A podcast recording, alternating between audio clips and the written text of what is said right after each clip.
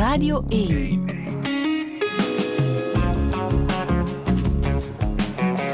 Douche. Met Friede Lesage. En met Tim Milans. Goedemorgen. Goedemorgen. Hoe gaat het? Niet slecht om blij eens te zijn. En je staat voor een spannende week, hè? want deze week gaat jouw film in première, Wil, de verfilming van het boek van Jeroen Olieslagers. Maakt dat het extra spannend deze dagen? Absoluut, absoluut. Is dat aftellen voor jou? Ehm, we hebben heel veel testvisies gedaan. Veel mensen hebben hem al gezien. Dus um, ik, ah, ik meen te denken aan wat we ons kunnen verwachten. Dat je een beetje gerustgesteld bent aan de hand van de reactie? Een heel klein beetje, wel, ja. um, het is uh, jouw tweede film ondertussen, na De Patrick. Een film met uh, Kevin Janssens, zevenvoudige Ensor-winnaar was dat. Hè? Um, dus je weet eigenlijk al een beetje wat je mag verwachten op zo'n rode loper. Hè? Hoe dat gaat. Ja, heel veel aandacht. Um, ik, ik vind het zelf niet echt leuk. Nee? Nee, uh, ik ben heel zenuwachtig. Ik, ik, weet niet of ik van die avond ga kunnen genieten. Maar ik wil wel zo die film ervaren met uh, een volle zaal. En, en, en zo de, de, de mensen voelen ademen en, en, en de hartslagen naar boven voelen gaan of naar beneden. Hopelijk is dat het geval. Maar daar kan ik wel van genieten. Film in eigen land is dat nog iets anders dan de internationale series die je hebt gedraaid, zoals Peaky Blinders en The Responder en Legion. Ja, het is toch, ik denk, ik denk toch samen naar een film kijken, dat dat iets bijzonders is. Mm -hmm. um, uh, ik, ik, die series zijn fantastisch, maar we zien die allemaal apart. We zien die niet samen. En, en mensen die samen iets ervaren, dat, geeft, dat is toch iets heel erg bijzonders. En nog anders dan voor eigen publiek uh, in vergelijking met zo internationaal, uh, met de grote namen op het scherm? Um, nee, het blijft even. Um, ja, het is even spannend en even angstaanjagend. Maakt geen verschil. Angstaanjagend. Het is een woord dat wel regelmatig valt als ik met jou praat. Hoe komt dat? Um, ja, het is gewoon veel faalangst. Ik, ik ja? denk elke keer opnieuw van, ik kan het niet, het lukt niet. Um, het gaan, ja. Um, en, en ja, dat blijft terugkomen. Ik raak daar niet van af. Maar helpt dat ook om jezelf ja, het, ik, denk niet dat, ik, denk, ik denk niet dat ik, dat ik het mezelf wijs maak. Uh, nee? Nee, ik, het, is, het is echt wel eerlijke, eerlijke, eerlijk het idee van het, het lukt gewoon niet meer. Het gaat niet, ik kan het niet. Maar toen ze jou vroegen voor Wil, ja. wat dacht je toen? Um, dat kan ik? Ja, Bill, Bill was het idee om het zelf te doen. Um, en dan, ja, dan ga je er gewoon voor. Het is gewoon even die phalanx vlak ervoor. En dan, eens dat je bezig bent, dan, dan doe je gewoon je ding. En dan, dan ga je wel vooruit. En dan ja. lukt het. En dan vraag je ook Jeroen Olieslagers heel even voor een cameo natuurlijk. In de film, hoe was dat om de auteur zelf op de set te hebben? Um, ja, dat was heel fijn. Ik denk dat het voor, voor Jeroen surrealistischer was dan, dan voor mij. Maar um, ik, ik, heb wel een band uh, met Jeroen. Ik heb ooit in een, in een ver verleden uh, hebben wij de poging gedaan om wij te verfilmen. Uh -huh. En dat is niet gelukt. Ik was daar toen nog veel te jong voor. Um, en, dan, uh, en dan toen heeft uh, Jeroen het boek geschreven en heeft hij nog voordat het boek gepubliceerd was mij een sms gestuurd van dit wordt je volgende film. Dus okay, we kennen elkaar heel goed. Afgesproken. Ja, ja. En ja. ik heb Jeroen altijd betrokken bij, uh, bij elk, elk facet van het, uh, van het schrijfproces. Dus ja. hij wist waaraan en waaraf. Dus er is, een, er is een band en er is een vriendschap. Je bent een bloedbroeder geworden. Ja. ja. Hoe zou jij jezelf omschrijven? Um, ik denk chaotisch ik denk dat heel veel mensen, je aan mensen vraagt van is een team chaotisch, dan, dan denk ik wel dat er een brede consensus over bestaat. Ik denk dat niemand gaat zeggen team is niet chaotisch. Ik denk wel, um, met werk heb ik technieken geleerd om dat minder te zijn. Um, ik denk dat ik enthousiast ben. Ik denk dat ik uh, in verwondering kan staan voor heel veel zaken. Um, en die ook graag deel, die graag passioneerd deel. Ik denk ook dat ik uh, koppig ben. Um, ja, koppig, maar ik wil dat wel nuanceren. Ik, als er een idee beter is dan mijn idee, dan luister ik er wel naar. Maar eigenlijk is dat al erg als je er nou wilt luisteren. um, maar ik denk wel dat ik diplomatisch um, koppig ben.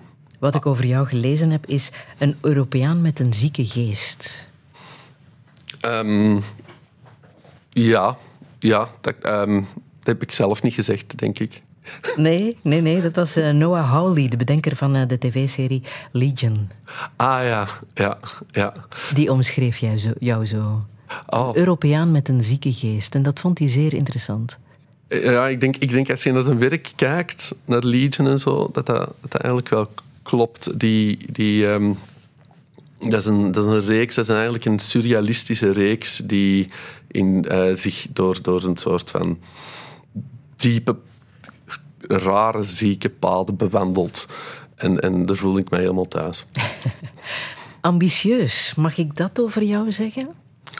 Um, ik probeer dat niet te zijn. Ik probeer, ik probeer niet ambitieus te zijn. Um, omdat de momenten dat ik ambitieus was in mijn leven, versteen ik. Um, was ik creatief monddood. Um, lukte het eigenlijk allemaal niet. En op dat moment, dat is heel vreemd, op het moment dat ik heb gezegd tegen mezelf van vergeet het allemaal, het hoeft allemaal niet. als ik op straat leef en ik maak nog films, dan is het ook goed. doe gewoon wat je graag doet, dan, dan, dan die carrière wind in de zeilen. Op een heel vreemde manier. En dat is ook een beetje mijn levensmotto. Van, um, proberen iets niet te willen. Mhm. Als je het loslaat, dan pas gebeurt het. Ja, ik denk in de Patrick is er die ene... Uh, Patrick, voor de mensen die de film niet gezien heeft, dat gaat over uh, een man die op zoek is naar zijn hamer in een nudistencamping. Die is die kwijt en die wil hij absoluut terug. En dan is er denk ik een, een dialoog met... Um, met, uh, met Jermaine Clement, die, um, die zegt van Patrick wilde echt uw namer terug. En Patrick zegt ja, ik wil die echt terug. Dan moeten proberen hem niet terug te willen. Probeer de dingen niet te willen. Ik denk, als je dingen te hard wilt, en ik spreek voor mezelf, hè, want mensen die ambitieus zijn en doelen hebben, ik, ik sta er in verwondering dat die, uh, dat die dat kunnen bereiken. Maar ik denk, als je echt iets wilt, in mijn geval, dan, dan, dan heb je dikwijls oogklippen op. En kijkt je altijd naar links en rechts. En daar liggen dan soms wel mooie uitdagingen. Tim Milans, welkom in Touché.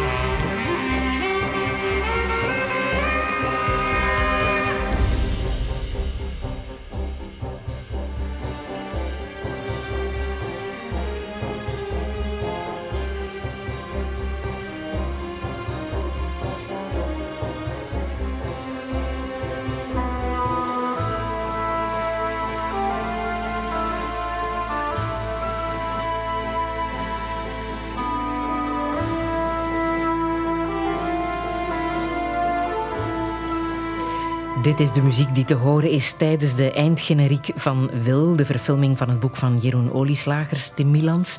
Niet te onderschatten hè, wat een soundtrack kan doen bij een film. Ja, ik ben er heel, heel blij mee. Is, uh, is geschreven door Geert Hellings. Uh, ook, ook altijd mijn buurjongen geweest. We okay. kennen elkaar al ja, 40 jaar. En um, er is een, een hele, hele diepe vriendschap tussen ons.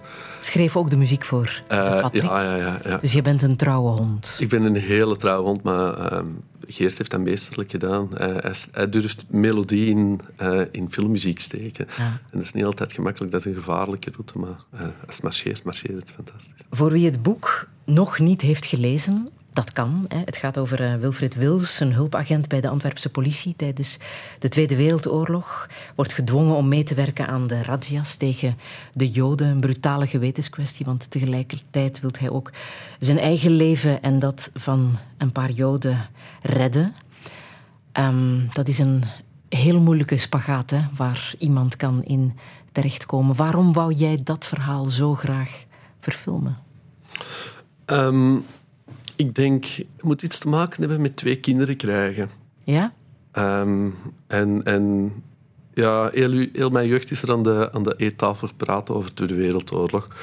Um, dus dat kreeg ik met de soeplepel binnen. Die, die, die, die periode was, um, vond ik altijd heel interessant. En ook echt door mijn grootouders veel op, uh, opgevoed. En die vertelden daar hele vreemde dingen over, die ik altijd fascinerend vond als kind. Maar ook als twee, ja, als twee kinderen krijgen, in de zin van Um, die film nodigt uit voor een dialoog met je grootouders van wat heb jij gedaan in de oorlog en, en waar was jij? En, mm -hmm.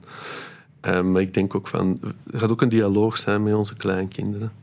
Want het is kinderen. zo dat tijdens de oorlog 10% ongeveer heeft gecollaboreerd, 5% ongeveer in het verzet zat, maar daarnaast 85% van de mensen ernaar keek en ja. niets deed. Ik stond erbij en ik keek ernaar. Wat de boodschap is van de film, hè? Ja, een beetje de boodschap van de film. En ik vond, um, als ik research begon te doen, daarna heeft mij dat veel indruk gemaakt. Maar ik heb ook liggen nadenken van, uh, wat zou ik gedaan hebben?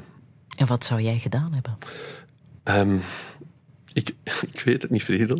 ik, uh, ik, denk, uh, met, ja, ik denk dat we allemaal eens op een bladje papier moeten schrijven, die oefening maken van voor wat wil je sterven? Um, ik denk, wilde sterven voor uw twee kinderen. Alleen in mijn geval dan. Uh, en, uw, en, en, uw partners, ja, dat is onmiddellijk.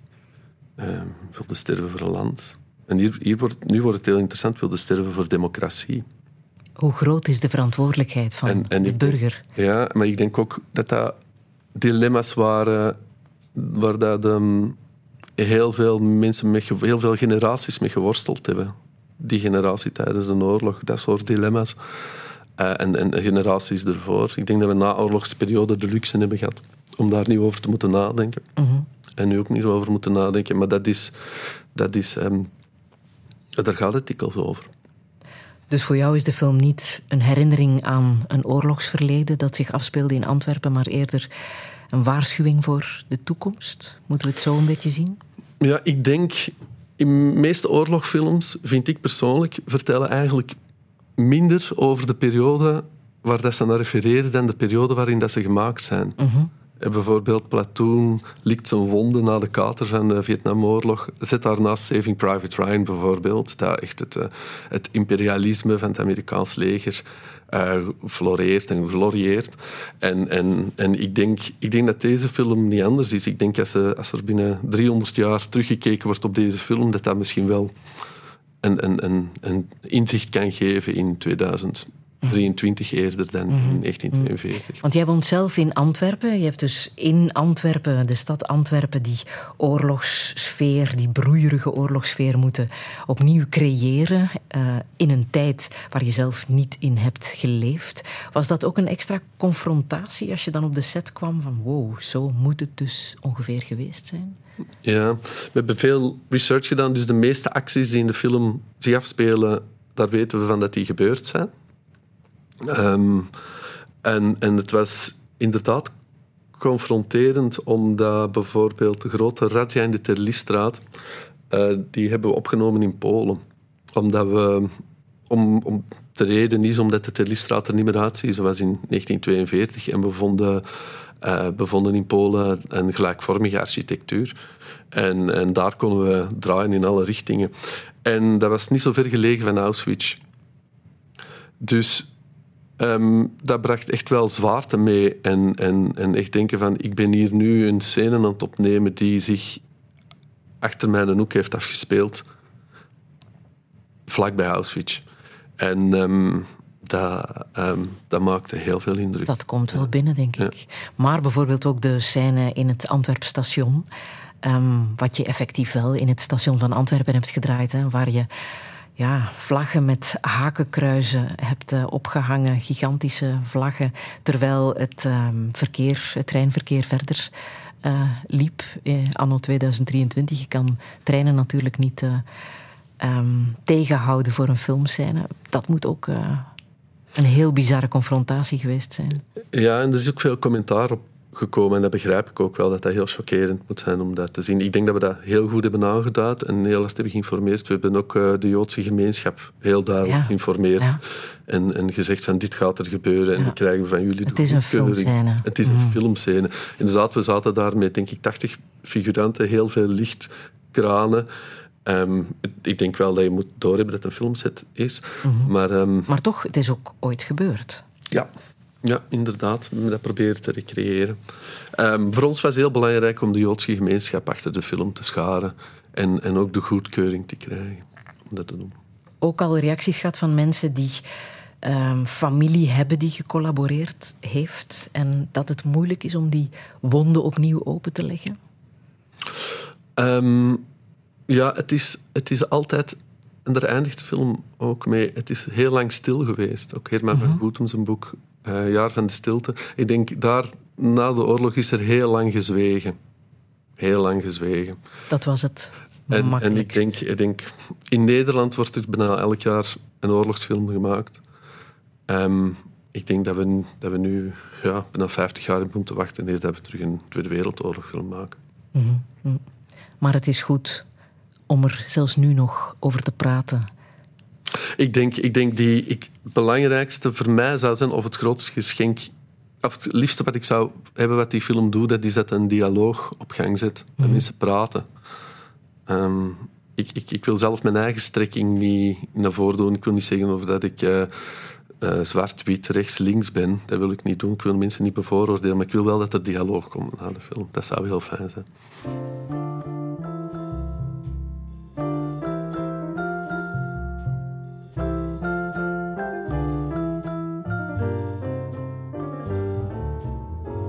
Unforgettable. That's what you are. Unforgettable, though near or far. Like a song of love that clings to me how the thought of you does things to me. Never before has someone been more unforgettable in every way. And forevermore that's how you stay. That's why, darling, it's incredible that someone so unforgettable thinks that I am unforgettable too.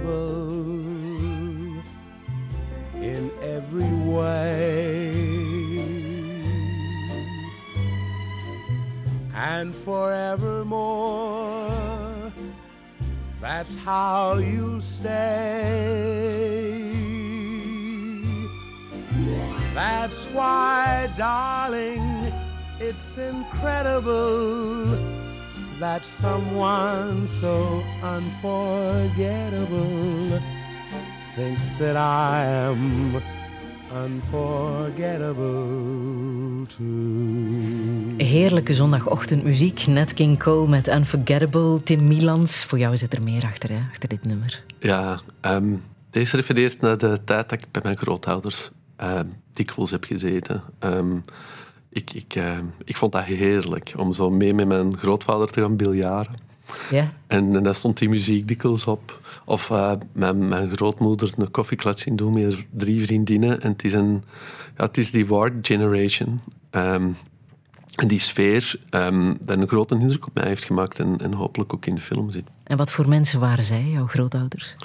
Uh, dat waren, um, uh, ik denk, mijn, mijn, grootvader was diamantslijper en heeft dan in een BASF gewerkt lang. En mijn grootmoeder heeft in de koekjesfabriek gewerkt.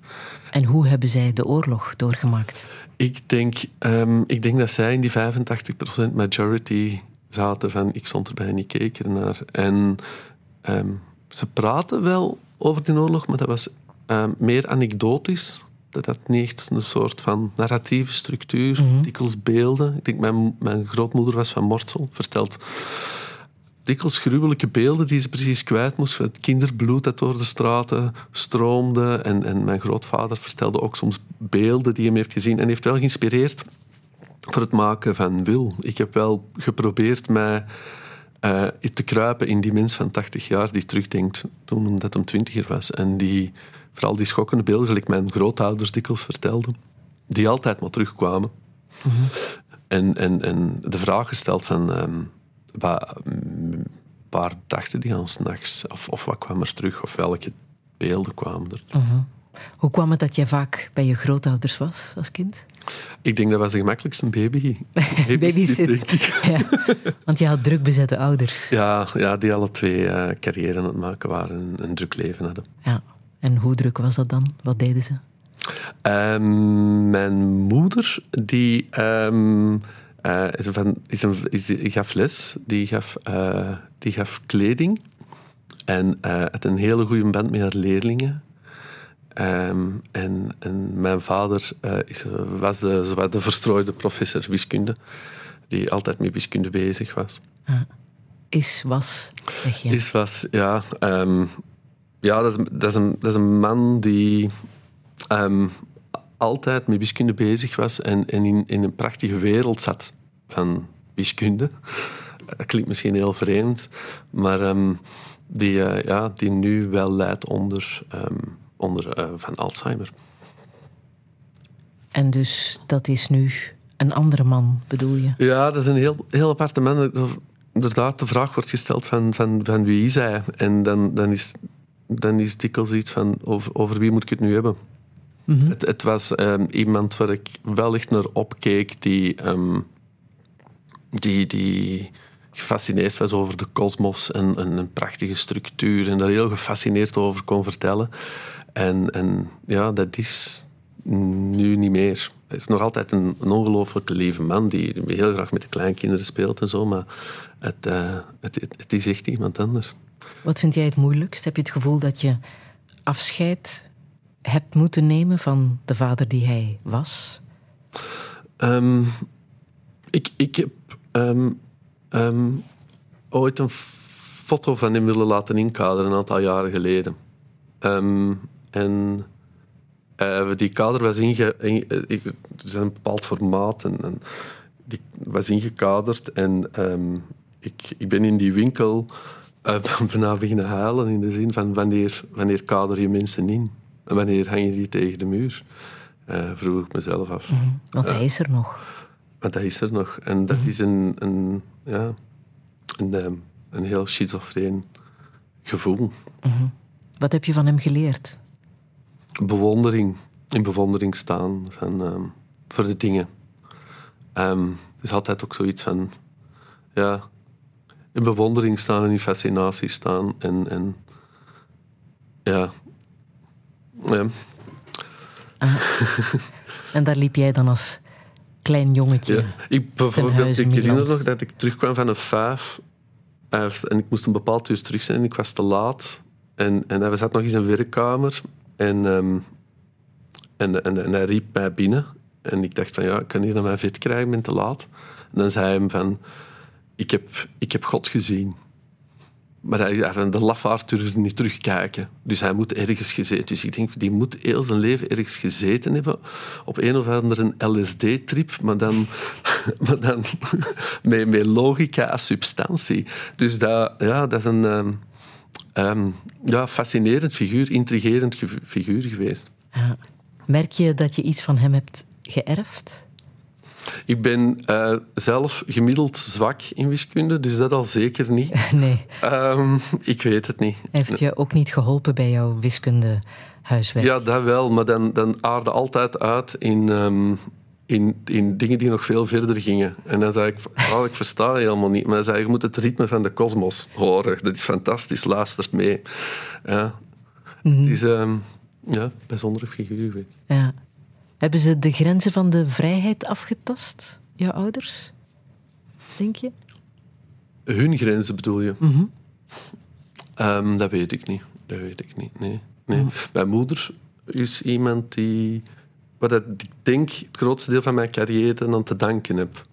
Zij nam mij mee naar toneelstukken toen ik nog eigenlijk een beetje te jong van was. Dus ik zag zo Jan de Cleer Shakespeare spelen.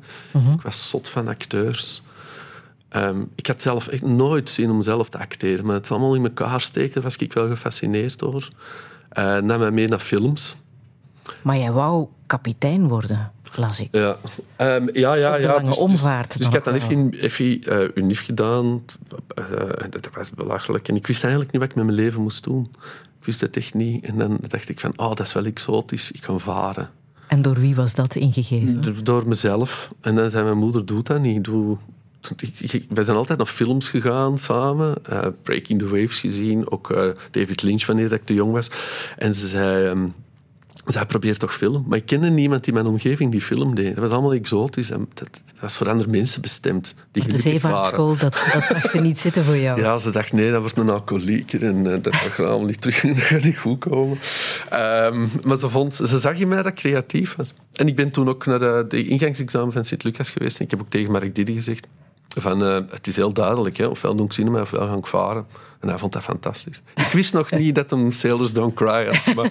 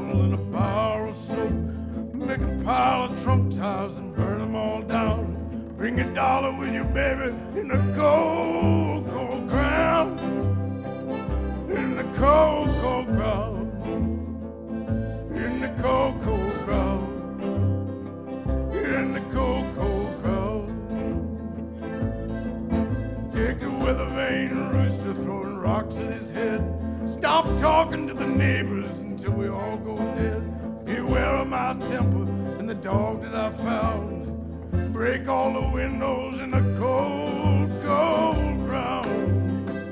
In the cold, cold ground. Cold Cold Ground van Tom Waits.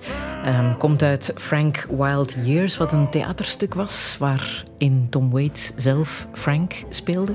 En daar is dan eh, ook die plaat van eh, gekomen. Tim Milans, voor jou is het magische muziek. Ja, ik heb het gezien in een film toen ik jong was. En met magische sequentie. En ik moet daar dikwijls nog aan terugdenken. En ik, ik besloten die film niet terug te zien, om dat gevoel te bewaren. Ja, ja. Ja. En sindsdien is dat nummer bij mij gebleven. Maar het, het, om proberen dat af en toe dat magisch moment te, te laten heropleven. Maar ik ben bang als ik de film terugzie dat dat weg gaat. En hij heeft niet alleen een fantastische muziekcarrière, maar ook een filmcarrière. hè? Ja, absoluut. Ja, ja. Mooie acteur. Ja, speelt in eh, films van eh, Francis Ford Coppola, Robert Altman. Ja, ja veelzijdige man. Jij naar de filmschool, daar waren we gebleven. Je kon kiezen tussen kapitein eh, worden op de lange omvaart of, uh, of filmmaker. En Mark Didden heeft beslist dat uh, filmmaken misschien toch wel iets voor jou was. Maar wist je het zelf, wat voor regisseur je wou worden? Nee, helemaal niet. Ik was wel gefascineerd door films, was gefascineerd door verhalen. Maar um, ja, kan ik dat wel? Um, en, en dan denk ik dat ik een, eerste film, moest een soort documentaire maken, helemaal in het begin. En, en dan heb ik een documentaire gemaakt over een man die lijnen trekt in een groot leeg voetbalstadion. En filosofeerde op, op zijn eigen manier over lijnen trekken en tijdlijnen en, en, en de eindigheid van het leven en het begin van het leven. Op, uh, in een soort voice-over. En dat marcheerde heel goed. En ik dacht, voor het eerst in mijn leven had ik iets van, ik, ik kan misschien iets. En dat was zeer. Ik zat op de trein terug naar huis en ik dacht, ik kan misschien iets. En misschien is dat wel... Het moet heerlijk zijn om als, ja, als jonge kerel dat je echt niet weet wat je kunt of dat je echt niet weet wat dat je gaat doen. Iets mm-hmm. vinden van, wauw, ik ben verliefd. Dit wil ik voor de rest van mijn leven doen. En dat je bij zo'n verhaal terechtkomt, de man die de lijnen trekte op een voetbalterrein, hoe komt dat? Is dat iets dat jou ook fascineert, dat soort figuren, dat soort mensen? Ja, absoluut. Ik, ik, denk, ik denk dat moet iets...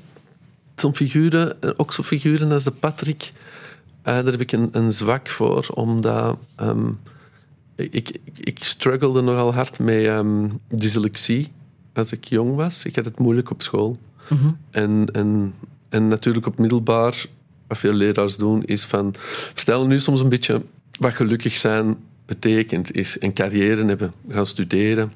Het, het, het maken tussen aanhalingstekens. En, en dat was zo altijd het idee van geluk. En ik zag soms de, de, de, de, de klusjesman of, of, of de hele mooie uh, figuren, vond ik dan, die stonden precies los van ambitie of los van um, dat bereiken of presteren.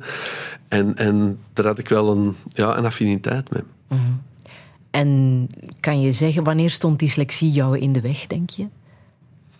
Um, ik denk dat dat uh, heel mijn lagere school en middelbaar uh, echt wel een soort handicap moet geweest zijn. Een onzichtbare Een onzichtbare handicap, absoluut. Mm-hmm. Ja. Uh, lezen gaat heel moeilijk, schrijven gaat heel moeilijk. Um, ja, en, en, en de enigste manier om dat, denk ik, op te lossen is door, um, door gewoon heel hard te werken. ja, in analogie van mensen die één arm hebben, die hun veters knopen en, en die alles doen op, het, op de snelheid van mensen die twee armen hebben. Dat moet je eigenlijk ook doen als je dyslexie hebt. Ja. Dus zoveel oefenen, zodat er technieken eh, beginnen te ontstaan, voordat je die gelijklopende snelheid mee En wat zijn dan jouw technieken geworden? Eh, mijn technieken zijn gewoon proberen ehm, niet los te laten en te blijven werken, te blijven lezen. Want mijn zoon, ik denk dat mijn zoon, ja, mijn zoon heeft er ook last van. Dus ehm, ik herken het heel goed. Het is, eh, ja, ik denk dat ja, hard werken eigenlijk de enigste oplossing is. Want je hebt nu een boek verfilmd, Wil. Hm. Nu vraag ik me af, hoe heb jij dat gelezen? Ik heb dat gelezen, ja. Ja, ja.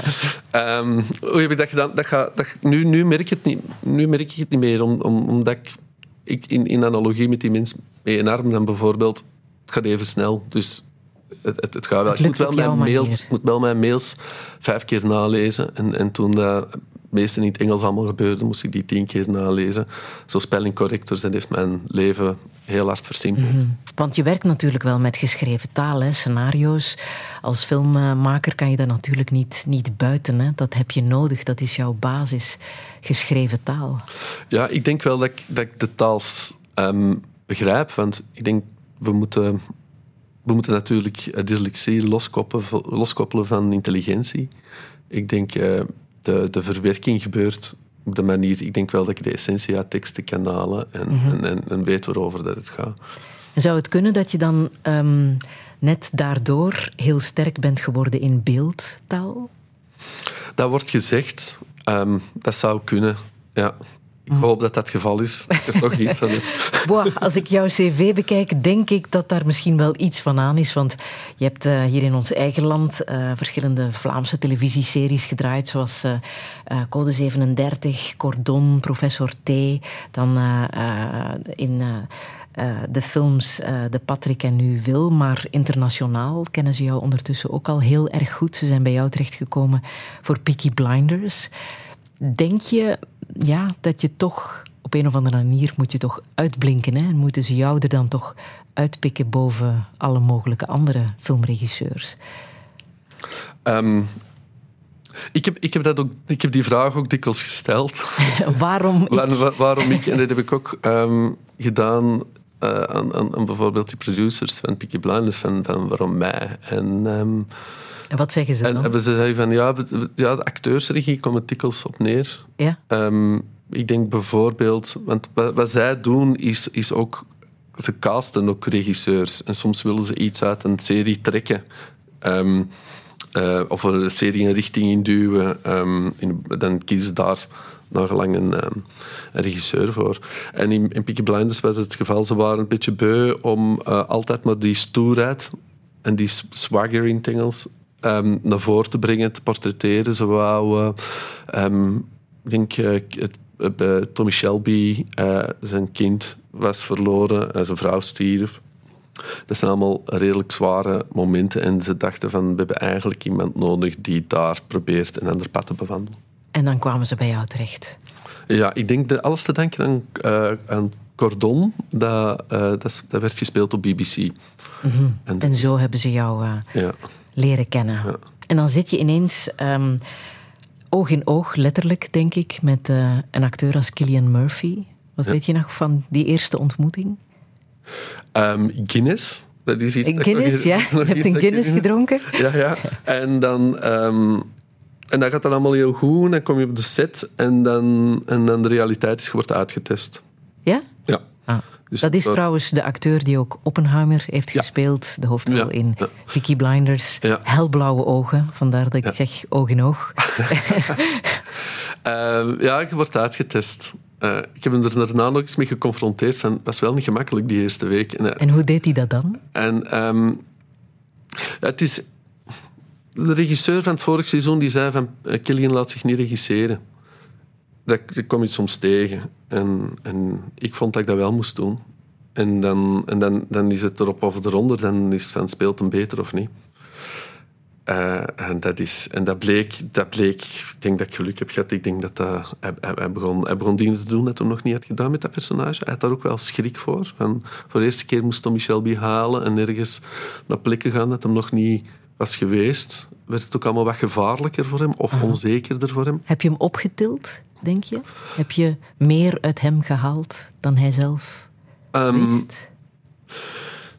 Nee, hij heeft het allemaal zelf gedaan. Ik heb eigenlijk niks gedaan. Ik heb hem gewoon ehm, ja, geconfronteerd met beelden en, en ideeën en, en, en pijn. Wat is jouw regietruc? Wat doe jij met acteurs om hen te krijgen waar jij ze wil? Ja, dat is wel eens een goochelaar die zijn trucken niet deelt. Hè. Wil je niet zeggen? Nee, ik, ik, ik, wat ik wel wil zeggen, ik, ik steek daar heel veel tijd in.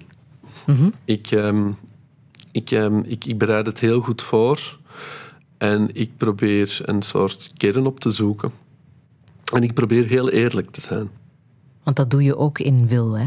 Acteurs als eh Jeanne Bervoets, eh, die haalt het beste uit zichzelf. eh, Ehm, ja, nu, die acteurs zijn allemaal mensen dat ik ooit al eens ehm, mee gewerkt heb. Met uitzondering van Jan de Cler, waar ik heel graag eens mee werken.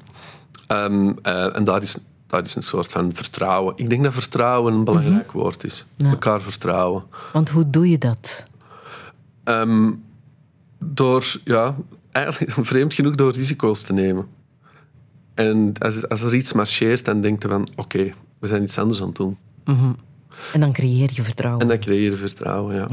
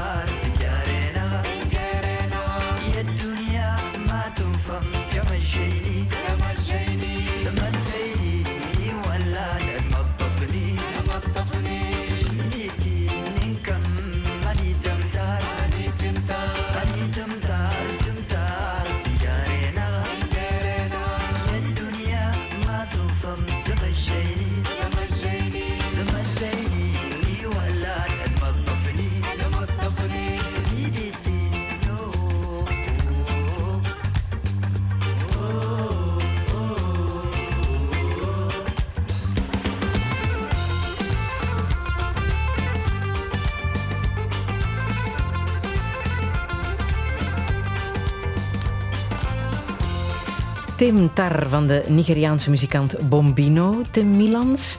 Vrolijke muziek. Ja. Waar denk jij aan als je dit hoort?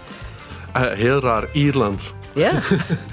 Ehm, er zitten veel. ehm, natuurlijk, ik heb, een heel, ik heb een zwak voor ehm, voor zo toonladders was mineur harmonisch en zo wat meer Arabische muziek en, en, en, en Malinese blues. Hij is van Niger.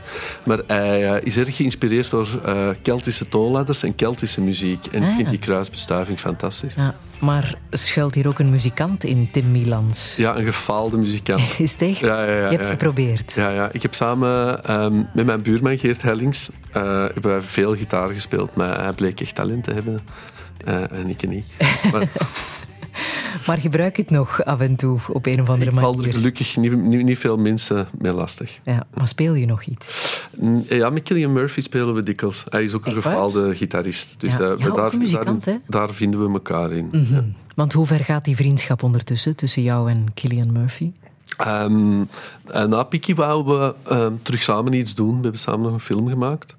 Eh, dus eh, professioneel werkt dat heel goed. En ja, we zijn gewoon heel graag bij elkaar.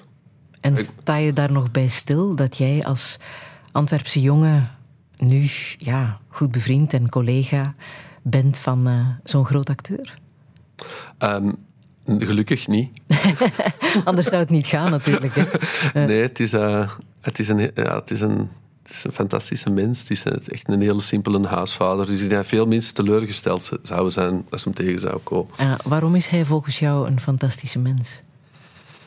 Ehm, dat, hij, ehm, dat hij echt kijkt naar het binnenste van andere mensen.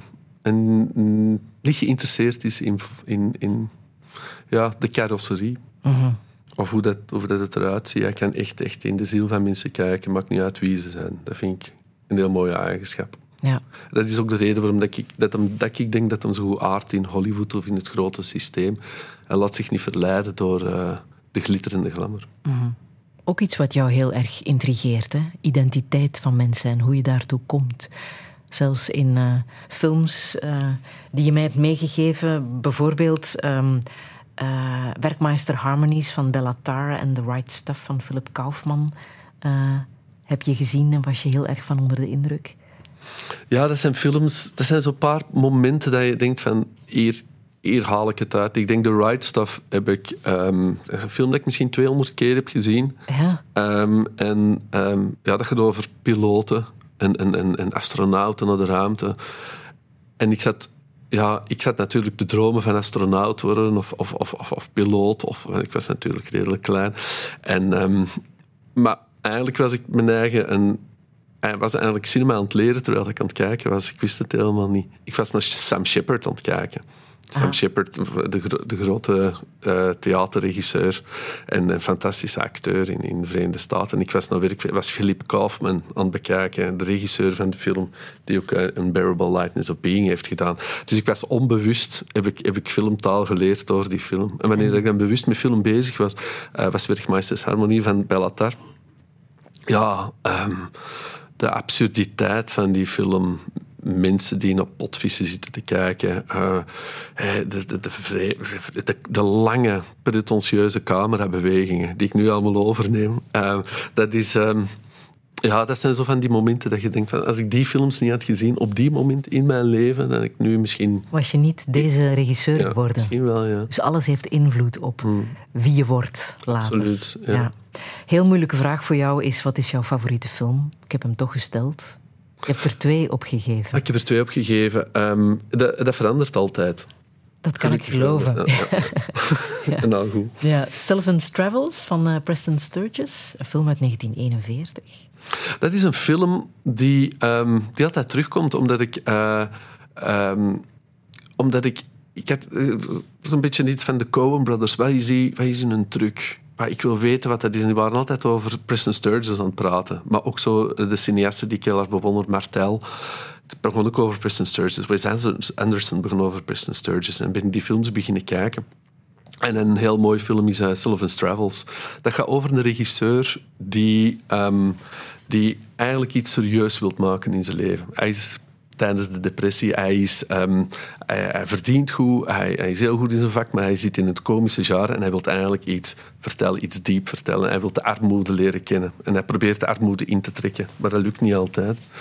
En uiteindelijk lukt het wel. En zit hem in de armoede. Uh, en, en de film verandert ook helemaal van stijl. En, en, en hij geraakt zelfs in een werkkamp terecht waar hij slaaf moet werken.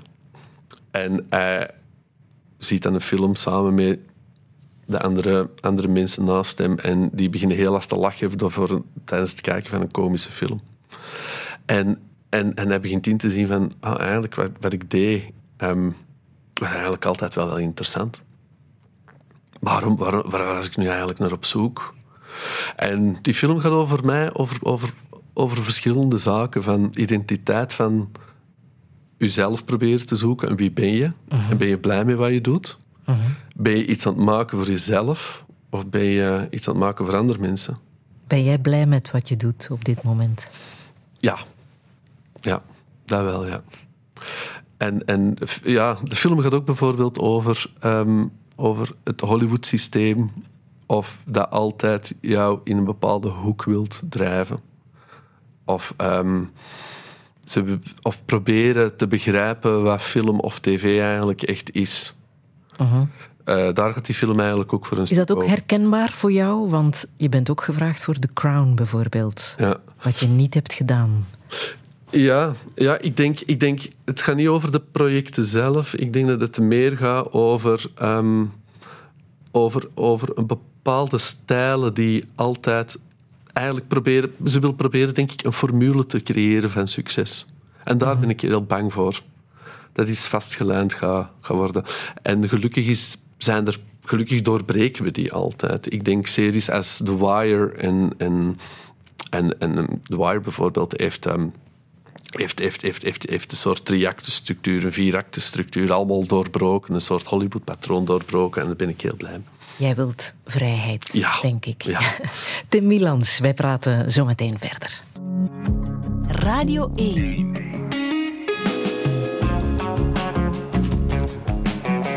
Douche. Met Friede Lesage. En met regisseur Tim Milans. Hij tekende voor de verfilming van Wil naar het boek van Jeroen Olieslagers. Hij liet zich al eerder opmerken met zijn debuut De Patrick en met zijn internationale avonturen bij Peaky Blinders en The Responder. De zoektocht naar identiteit, de keuze tussen lafheid en geweten. Het zijn thema's die hij in zijn werk graag aftast. Maar hoe moet het verder? Zal artificial intelligence zijn job ooit overnemen? Wat is zijn onzichtbare handicap? En hoe kijkt hij tegen het sterven aan? Dit is Touché met Tim Milans. Een goede middag.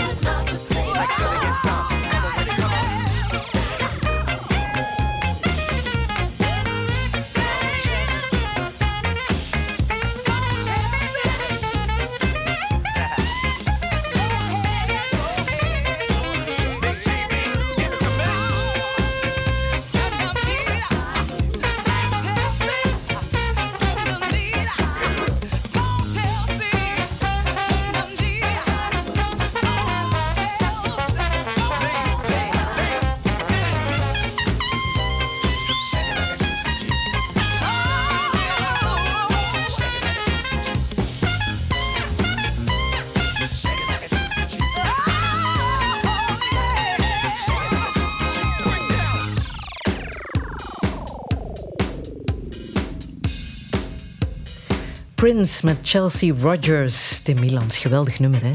Heerlijk, hè? Ja. Ja. Hoe dicht heb jij ooit bij Prince gestaan? Twee meter. Echt waar? Ja.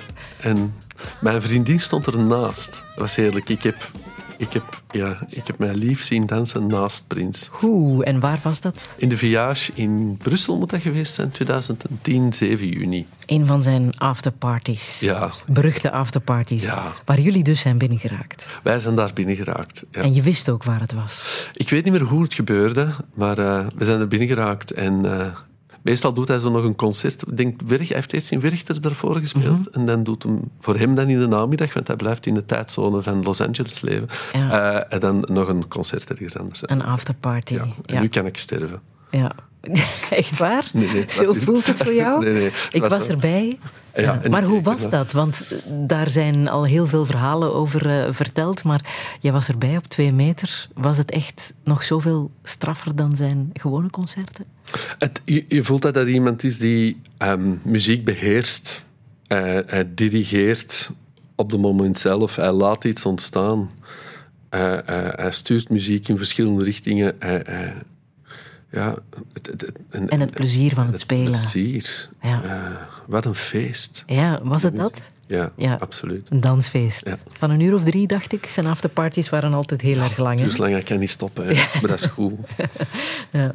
Maar helaas is er niet meer. Ja.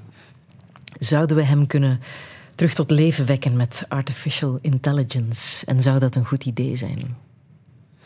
Ja, ehm, ja ik, ik, ik, heb een, ehm, ik heb wel bezorgdheid rond die artificial intelligence, omdat ehm, we zijn eigenlijk begonnen met de writer strike. Ik weet, ben geen specialist, ik weet daar ook niet zo heel veel over, maar De staking van de. Amerikaanse scenaristen, Ja. die al een En- paar maanden aan de gang is. ja, en, en, en het kwam altijd terug op... Ze, ze zijn heel bang van die artificial intelligence en ik ben dan beginnen nadenken van, hoe komt dat? Hoe, hoe verstaan ze op dat vlak eigenlijk al? En ik kwam al ehm, snel bij Sarah Silverman, ehm als een comedian, ehm, die eigenlijk via ChatGTP door had van de grappen die de computer kan maken zijn beter dan die van mij.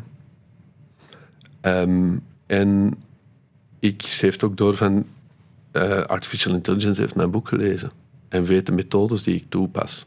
Moet ik daar geen compensatie voor krijgen? En, en ik nodig iedereen uit van die oefeningen te maken van vertelt mij iets in de stijl van eh, schrijver X, Y, Z. En, en, en, en ja, ik, Heb jij de test al gedaan? Ja, ik heb het geprobeerd met mijn eigen stijl. gelukkig, gelukkig marcheerde dat nog niet. Maar ik denk, als ehm, ja, artificial intelligence informatie krijgt over... ehm, en, en, terug kan gaan naar al het werk en, en daar iets uit kan halen, dan denk ik dat we schik moeten krijgen. En het gaat heel snel. En nog verder begon eh, research te doen, dan kwam ik bij, hebben dan eigenlijk onderzoeksjournalisten zagen dat hun eigen artikels ook in hun eigen stijl konden geschreven worden. En dan heb ik, eh, wou ik eigenlijk het ABC een beetje leren van die artificial intelligence. En dan kwam ik uit bij, eh, werd er mij het boek had geadviseerd, 3.0 van Max Tegmark, even voor de nerds. En ehm, daar stonden, zes jaar geleden is dat boek geschreven, er stonden bepaalde pijlers in van ehm, zorg ervoor dat computers zelf hun eigen niet kunnen coderen. Dus dat, doet dat vooral niet, dat ze zichzelf niet slimmer kunnen maken. Zorg ervoor dat ze niet verbonden geraken tot het internet. Eh, zorg ervoor dat ze vooral ons niet leren kennen. Er zijn allemaal logaritmes uitgeschreven voor, ehm, voor sociale media. Dus we zijn al die pijlers waar de researchers van zeiden, doe dat vooral niet, zijn eigenlijk nu doorgevoerd. En ehm, ja, ik, ik, ik hoor ja, verhalen die mij heel angstig maken. Ik denk eh, eh, dat Baldwin, de, de, de vicepresident van Engeland, heeft gezegd van wat er nu aankomt is groter dan de industriële revolutie. Het, alles zal danig veranderen. En ehm Techmark maakt zich duidelijk echt zorgen van en moet dan eigenlijk ons existentiële vragen beginnen stellen van willen we dat eigenlijk wel of willen we dat niet? Het Dat kan bijvoorbeeld ook heel veel voordelen hebben. Hè? Ik denk het werktekort in de ziekenhuizen en, en, en dingen, werkgelegenheid zal heel anders zijn. Het, we zullen heel veel jobs eh, verliezen, vooral eh, bij hogescholen. Ehm, dus onze, ons, denk onze toekomst zal er danig anders uitzien. En, en ik denk wat Elon Musk en ook Zuckerberg zeggen, we moeten proactief zijn. We moeten nu die beslissingen nemen, we moeten het nu gaan uittekenen. Want ja, Maar denk je dat jouw job als filmmaker overbodig zal worden? dat is altijd typisch. Hè? Mensen denken Ja. aan hun eigen job. Ja. dat niemand dat aan kan. Dat, Ja. Er zitten veel variabelen in, maar hoogstwaarschijnlijk wel. Hoogstwaarschijnlijk wel. Ja. Ehm, al, al denk ik dat dat nog altijd heel moeilijk zal zijn. Allee, ma- of maak ik mijn eigen wijs om uit te leggen tegen een computer hoe het moet zijn om een kind. Dus als een kind sterft, hoe dat, dat zou voelen.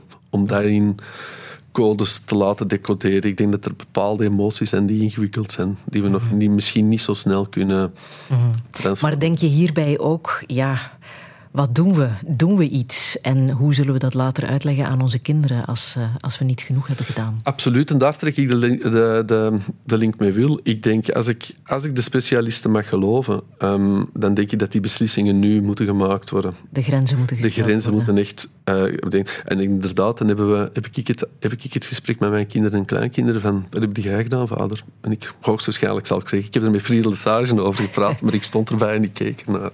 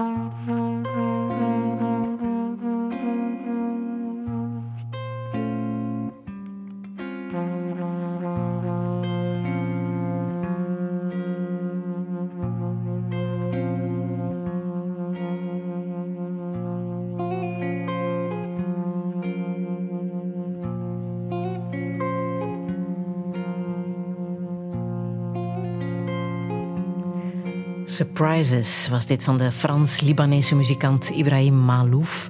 Prachtige, ingetogen muziek. Tim Milans, wat betekent het voor jou, deze muziek? Ik vind het ehm, gewoon heel mooi. Meer heb ik er niet over te vertellen. Ik vind Nee. het echt heel mooi. Ik hou van hem omdat hij ook zo die, die Arabische toonladders dikwijls heeft. Eh, niet, niet meer in dit nummer, maar ik vind het een, ja, heel mooi. Ja, ideale muziek om de rust in jezelf te vinden? Ja, ja. Ja, eigenlijk wel, ja. Jezelf te troosten misschien? Ehm, ja, deze muziek is eerder ehm, iets, is dat ik mij gewoon... Ik hou van de sfeer en ik hou van de relaxedheid. Ah. Er zit ook een pijn in jou, hè? Ja, Een verdriet. ja. Waar heeft dat mee te maken? Ehm, ja, ik denk... Ik denk dat het... ehm, ik denk dat... Ja, ik denk... Wat is kunst? Dikwijls is kunst pijn structureren, heb ik eens een keer gehoord. En, en, en, en eigenlijk een soort van rode draad dat door al mijn werk ehm, zit, is eigenlijk, denk ik, de, de dood van mijn broer. Ehm, eh, hij, is, hij is gestorven in een verkeersongeluk. Ehm, denk ik wanneer ik in tweede middelbaar zat. En dat is een, eh, ja, ehm, een pijn die, ehm, ja, die diepe, diepe wonden heeft nagelaten.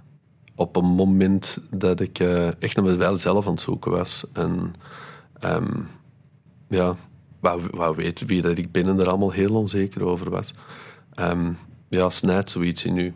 Hij was jouw oudere broer. Ja. ja.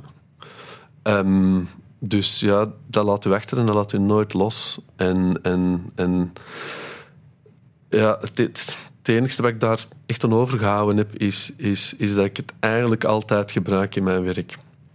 Het zit er misschien niet rechtstreeks in, maar ehm, zo de, de, de, zo de, de, de, de, de verschillende fases van de rouw geeft dikwijls structuur aan, aan heel veel wat ik doe.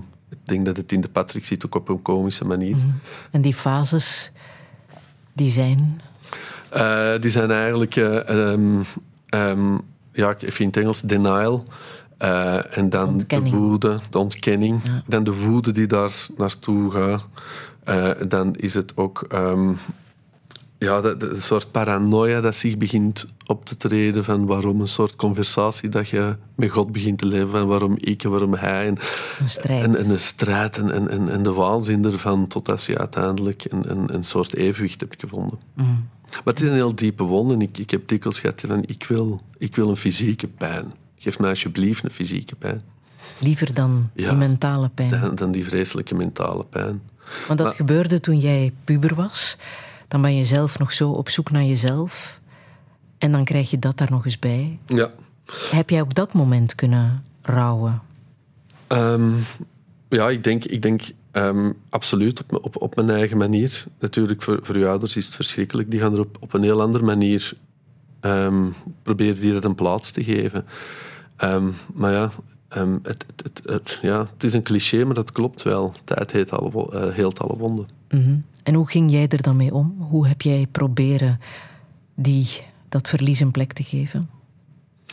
Ik kon daar niet mee om en ik heb dat ook geen plek kunnen geven. Ehm, ik, ik, die pijn was zo nieuw. Het was zo'n ja, zo'n blok rauw vlees zonder vel rond. Eh, Het was zo overgevoelig met alles. Ehm, ja, een tijd lukt het gewoon wel. Je kunt, niet, je kunt niks terugdraaien, je moet gewoon voort. Maar als je nu zegt dat is een pijn die ik nog altijd voel en ik zou die willen ruilen voor een fysieke pijn, hoe voelt die dan nu? Ik zou die niet meer... eh, Ik, ik voel die niet meer nu. Ik, ik herinner die emotie. ik, ik voel die niet meer. Ehm, ik hoef, eh, toen wou ik het ruilen, nu, ja, nu, nu hoef ik het niet te ruilen. Maar ehm, het, is een, het, het, is, het, is, het is iets dat mij enorm heeft geholpen in een acteursregie. Mhm. Op welke manier? Ehm, omdat ik kan associëren met bepaalde pijnen. Ik, ik, heb ik vind dat ons emotioneel palet niet zo divers is. Ik vind dat we ehm, dat je dikwijls een bepaalde emotie kunt benaderen met iets dat je zelf kent. Maar niet noodzakelijk de emoties waar het de, de scène over. En daar ga jij met je acteurs naar op zoek. Ja, voilà, nu ik mij een truc verteld. Ja, ja. En dat kan iets helemaal anders zijn dan wat er effectief moet gespeeld worden. Ja, ik denk dat ze eens een keer... Een, ik, ik heb eens ergens gelezen dat ze, eh, een, dat ze eh, een soort bloedtesten hebben gedaan eh, en die geanalyseerd, of van is het soort, soort adrenaline-check-ups gedaan hebben bij Vietnam-soldaten die na een napalmbombardementen was hebben gezien en ook bij eh, een Franse boer die zijn koe kwijt was. En dat liep, dat, was ongeveer gelijklopend. Eh, dat ze denkt van, ja, voor, voor die boer is dat verschrikkelijk. Kunnen dat vergelijken met napalm? Het, het, het, het, is ver- de emoties kunnen, ehm, kunnen verwisselen. Je hebt ook ehm, het boek Alle mensen zijn sterfelijk van Simone de Beauvoir gelezen. Hè? Ja. Net omdat je daarin geïnteresseerd bent, in dat sterven en Ja, hoe we daarmee moeten omgaan. Ehm, ik, ik vind het boek fantastisch, omdat als je het boek neerlegt, dan... eh, dat is een waanzinnig gevoel. Dan heb je, dan heb je ineens iets van, oh, ik ben zo blij dat ik kan sterven. Het is een fictief verhaal hè, Heerlijk, over een gaat- graaf die zogezegd onsterfelijk is. Ja, over, over een graaf die onsterfelijk is eh, eh, en die al ja, verschillende relaties heeft gehad. Verschillende kinderen heeft gehad die hem heeft moeten begraven. En die ja, in een existentiële crisis zit. Want hij gaat niet. Want hij gaat niet dood en hij zal nooit doodgaan. En dat is geen cadeau. En dat is geen cadeau. En, en ik heb daar dieper op nagedacht. Ehm, en en, en, en even tegengesteld, ja, oké, wel, sterven, daar heb je angst voor, maar probeer eens de andere keerzijde te bekijken en probeer eens echt na te denken wat eeuwig leven zou betekenen. En, en dan, en dan ja, na het boek lezen ben je echt blij dat je kan sterven. Ja. Want sterven geeft zin aan het leven. Ik denk het wel. Ik denk wel dat er iets is van, je, moet het, je hebt nu deze moment om het te doen. Probeer er nu het onderste uit de kant te halen. Probeer er te volle van te genieten. Ja, ik, Is dat bij jou ook de urgentie geworden sinds de dood van je broer? Ik moet iets van mijn leven maken. nee, want dat deed mij, zoals ik in het begin van het gesprek zei, eh, versteend. Ik probeer, probeer gelukkig te zijn, proberen eh, in het moment zelf te zitten. Proberen de dingen die je doet leuk te vinden. Ja. Is dat het? Ik is denk dat, dat het codewoord? Ja, ja. Proberen alles op een zo goed mogelijke en leuke manier te beleven. exact. Ja. Hoe kijk jij nu tegen het sterven aan? Ehm, ik voel wel eh, dat ik op, op, eh, in het midden van de tijdslijn sta. Ergens. Ik voel dat ik eh, ja, niet meer indestructible ben. Ehm, eh, ja, dat geeft iets vreemd. Het soort van... Heb ik, ehm, wil ik nog andere zaken? Maar ik ben redelijk gelukkig, moet ik zeggen. Ja? Ja, Misschien net daarom. ja, Ja, omdat je dat hebt aanvaard. ja. Ja. Helen McCrory, de Britse actrice die ook meespeelde in Peaky Blinders, is gestorven twee jaar geleden. Mhm. Op zo'n jonge leeftijd. Ja, ja dat be- ben ik toch heel verdrietig om geweest. Zij was een vrouw. ehm, ik, stapte, ik stapte echt in, in, op de set van Peaky Blinders als ja, ja, Timmy Mielens uit Mortsel. En, ehm, en Helen McCrory, ehm, fantastische, grote Shakespeare-actrice. Heeft, ehm, ja, heeft mij heeft mij omhelst en, en gezegd, wij gaan hier samenwerken en we gaan er iets moois van maken. En ze liet zich echt regisseren, maar ze heeft mij ook verteld van, oké, zo- zo zit het Britse acteren in elkaar. Dit is hoe dat wij omgaan met tekst. En ze heeft mij dat eigenlijk allemaal op een heel lieve manier geleerd, maar heeft mij ook een beetje uitgelegd hoe dat... eh, de wereld in elkaar zit met agents en, en, en, en voor wat ik moet oppassen. En eh, ik heb heel veel van haar geleerd en heel veel aan haar te danken. Wist je dat ze ziek was? Ehm, ik, ik mocht het niet weten, maar Killian had het wel verteld. Ja. Ah. Want iedereen gaat daar op zijn eigen manier mee om. Zij is blijven spelen. Hè? Ja, ja, ja, het is een, ja, het is een hele sterke vrouw. Een hele sterke vrouw. Ehm, ik heb met haar niet gesproken, omdat ik... Ja, eigenlijk niet de bedoeling was dat ik wist. Maar ehm, ik... ehm, ja, de kracht die daar vanuit gaat. Interviews die ik nog gezien heb, eh, terwijl dat ze ziek was. eh, ze gaf niet op. Wat zou jij doen? Zou jij doorgaan tot het bittere einde, als je het weet? Ik weet het niet. Ik weet het, ik denk het wel. Ik zou het niet willen weten. Ik zou alles aan doen om het niet te weten. Wat zou jij nog aan je broer willen zeggen?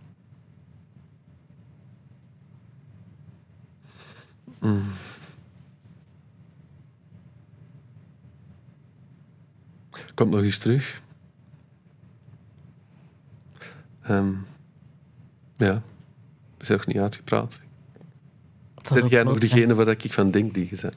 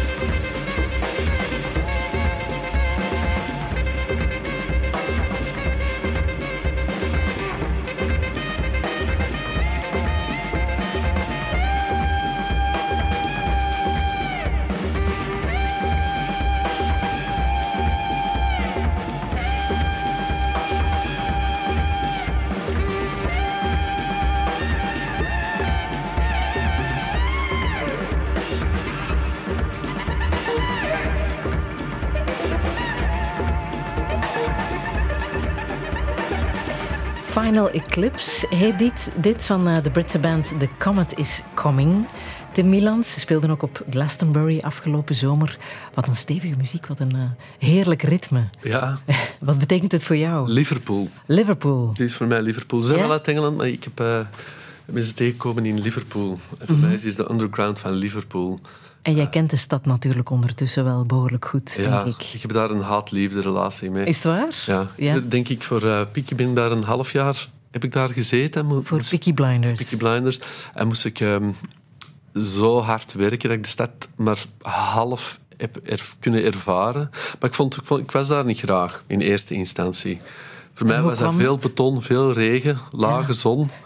Ehm, wel met heel mooie gebouwen, maar de don- donkere schaduw van slavernij hangt daarover. En het zijn allemaal gebouwd Aha. de slavernij naar, eh, naar ehm, de Caraïben en terug, waar Sakerita terugkwam. Dus het was eigenlijk een stad waar ik van dacht, ik hoef hier eigenlijk niet meer terug te komen. En dan, ehm, dan heb ik het scenario op mijn tafel gekregen van de Responder. En, dat, dus, en ik zag al openingsshot, Skyline Liverpool. En ik dacht, ik, aan mijn frisse tegenzin heb ik de rest gelezen. En het was prachtig. Het was ongelooflijk prachtig. De schriftuur was adembenemend, zo eerlijk.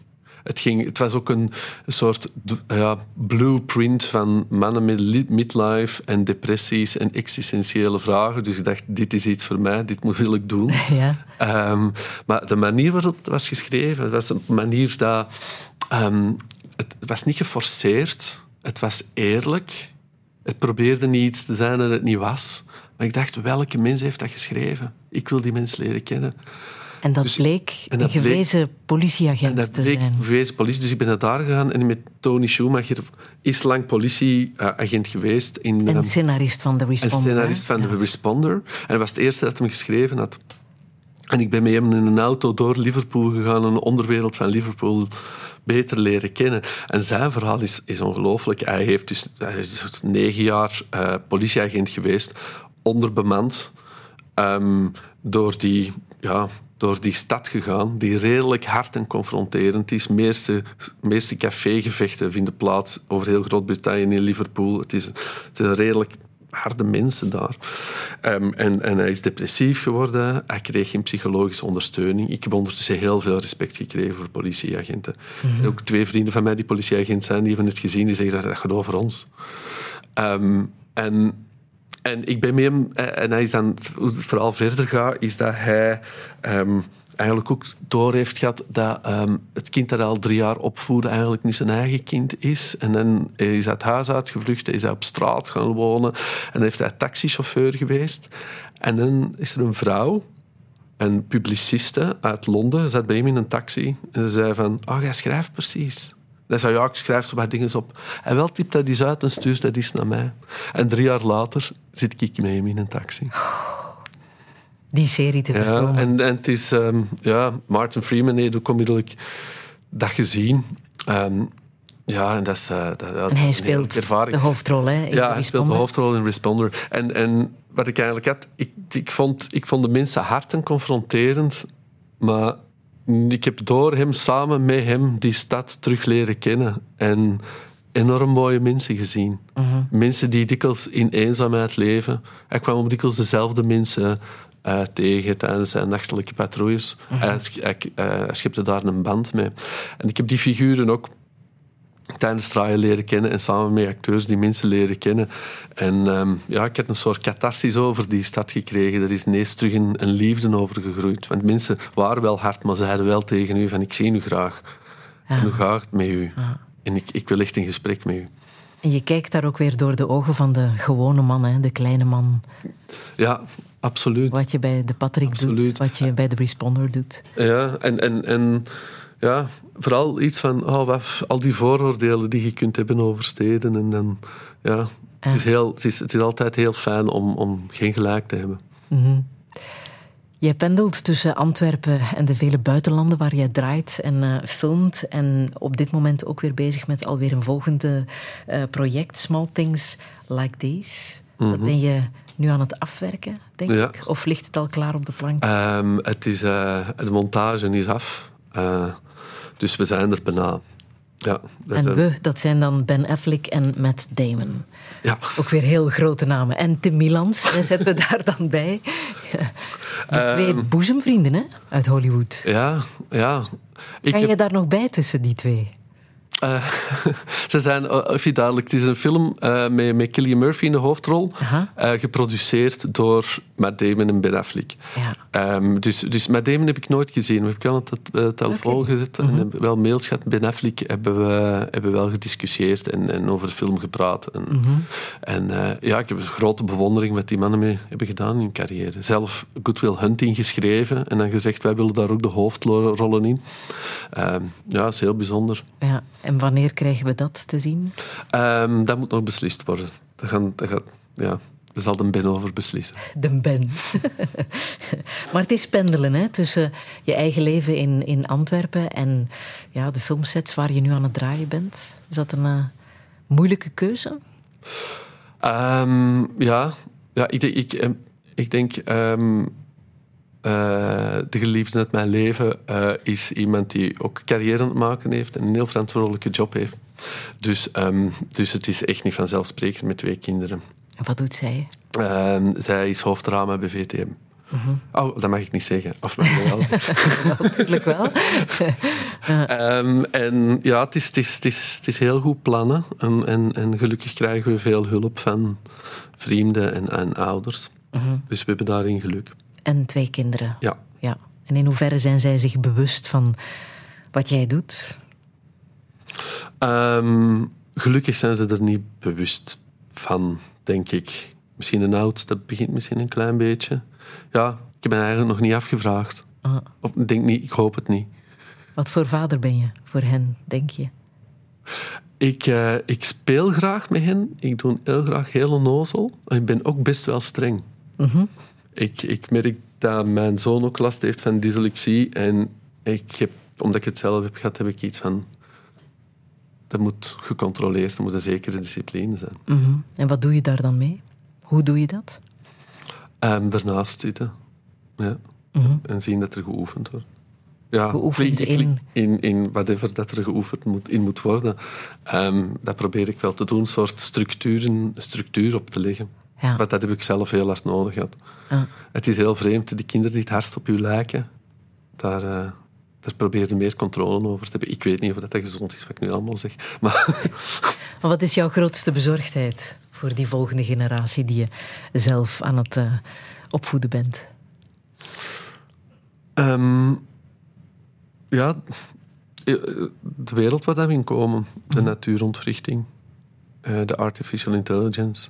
Ik denk dat er grote keerpunten op dit moment, als, als, als er wordt gesproken van ehm, het, is, het, is, het is groter dan de industriële revolutie. Denk dat dit wat een grote omkeer is geweest in de geschiedenis. En vraag me af wat gaat er gebeuren op de arbeidsmarkt.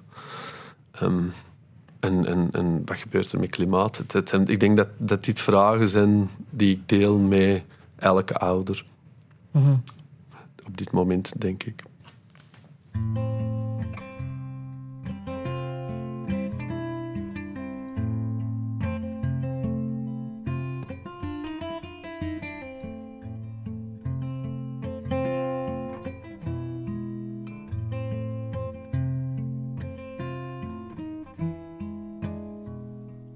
Day, I sell them my soul. I'll work like a mole under the shop. By night, I'll drink in the cool hole or down in the nine foot drop. By day, I'm the company mule, the wage slaving fool. They chain up like a dog. By night I'll be sailing away on my stool on a river of grog, river of grog.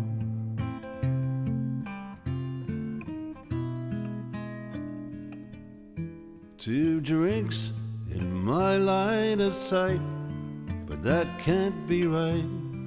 I know it's untrue. I'm seeing double tonight, but there can only be one of you. I've loaded my pockets with stones to bury my bones in the mud of the bog. So let me go sailing way on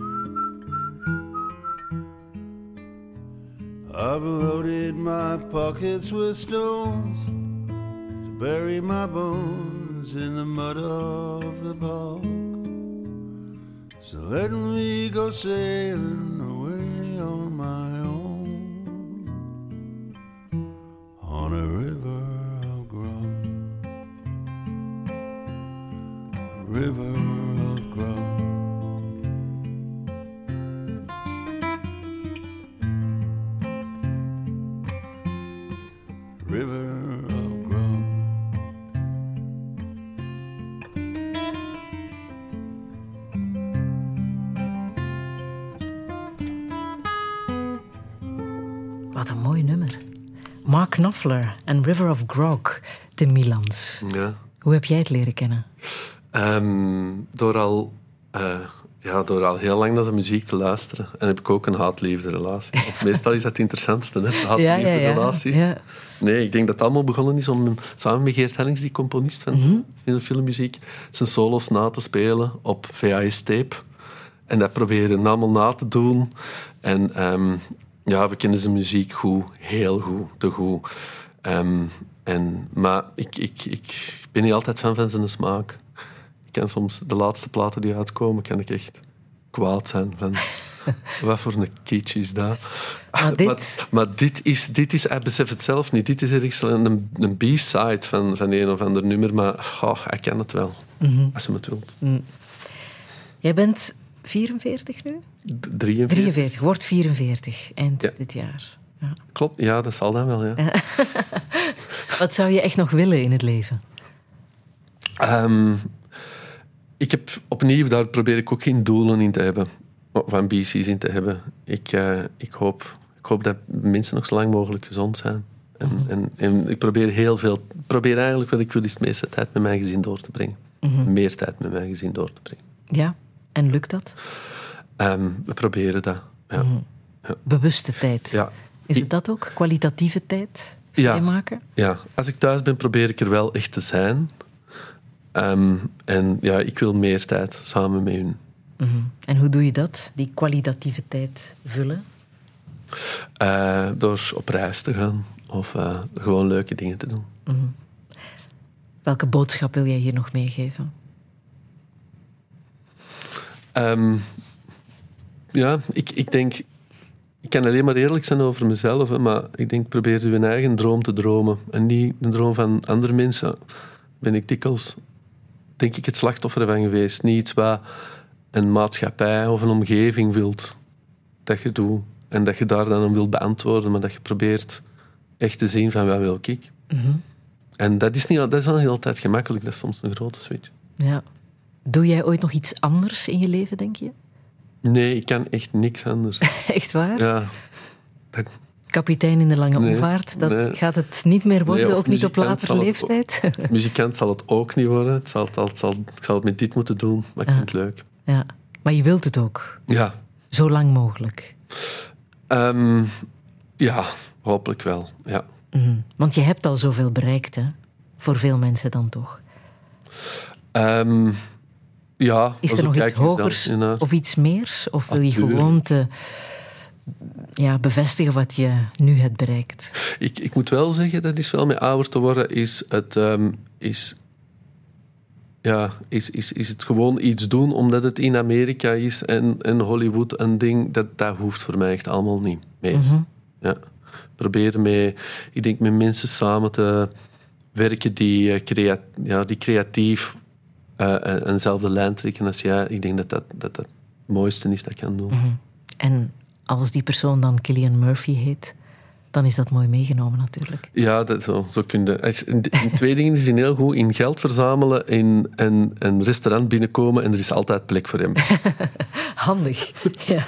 Zullen we nog eindigen ehm, in de jaren tachtig met eh 50-50 Clown en eh, de Cocteau Twins? Want jij bent een beetje verslingerd aan de jaren tachtig.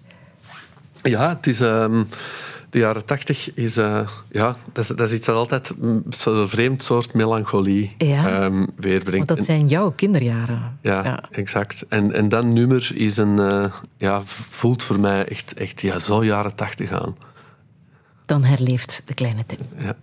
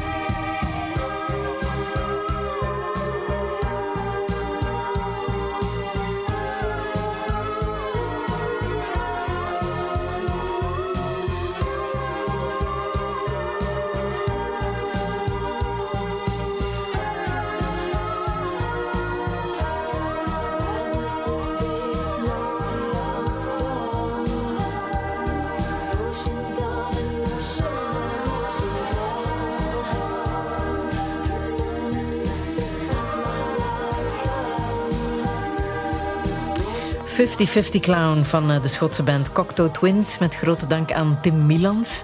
Schop ons straks maar een goed geweten met de première van Wil deze week. Heel veel succes daarmee. Volgende week komt advocaat Walter van Steenbrugge vertellen wat hem raakt in het leven.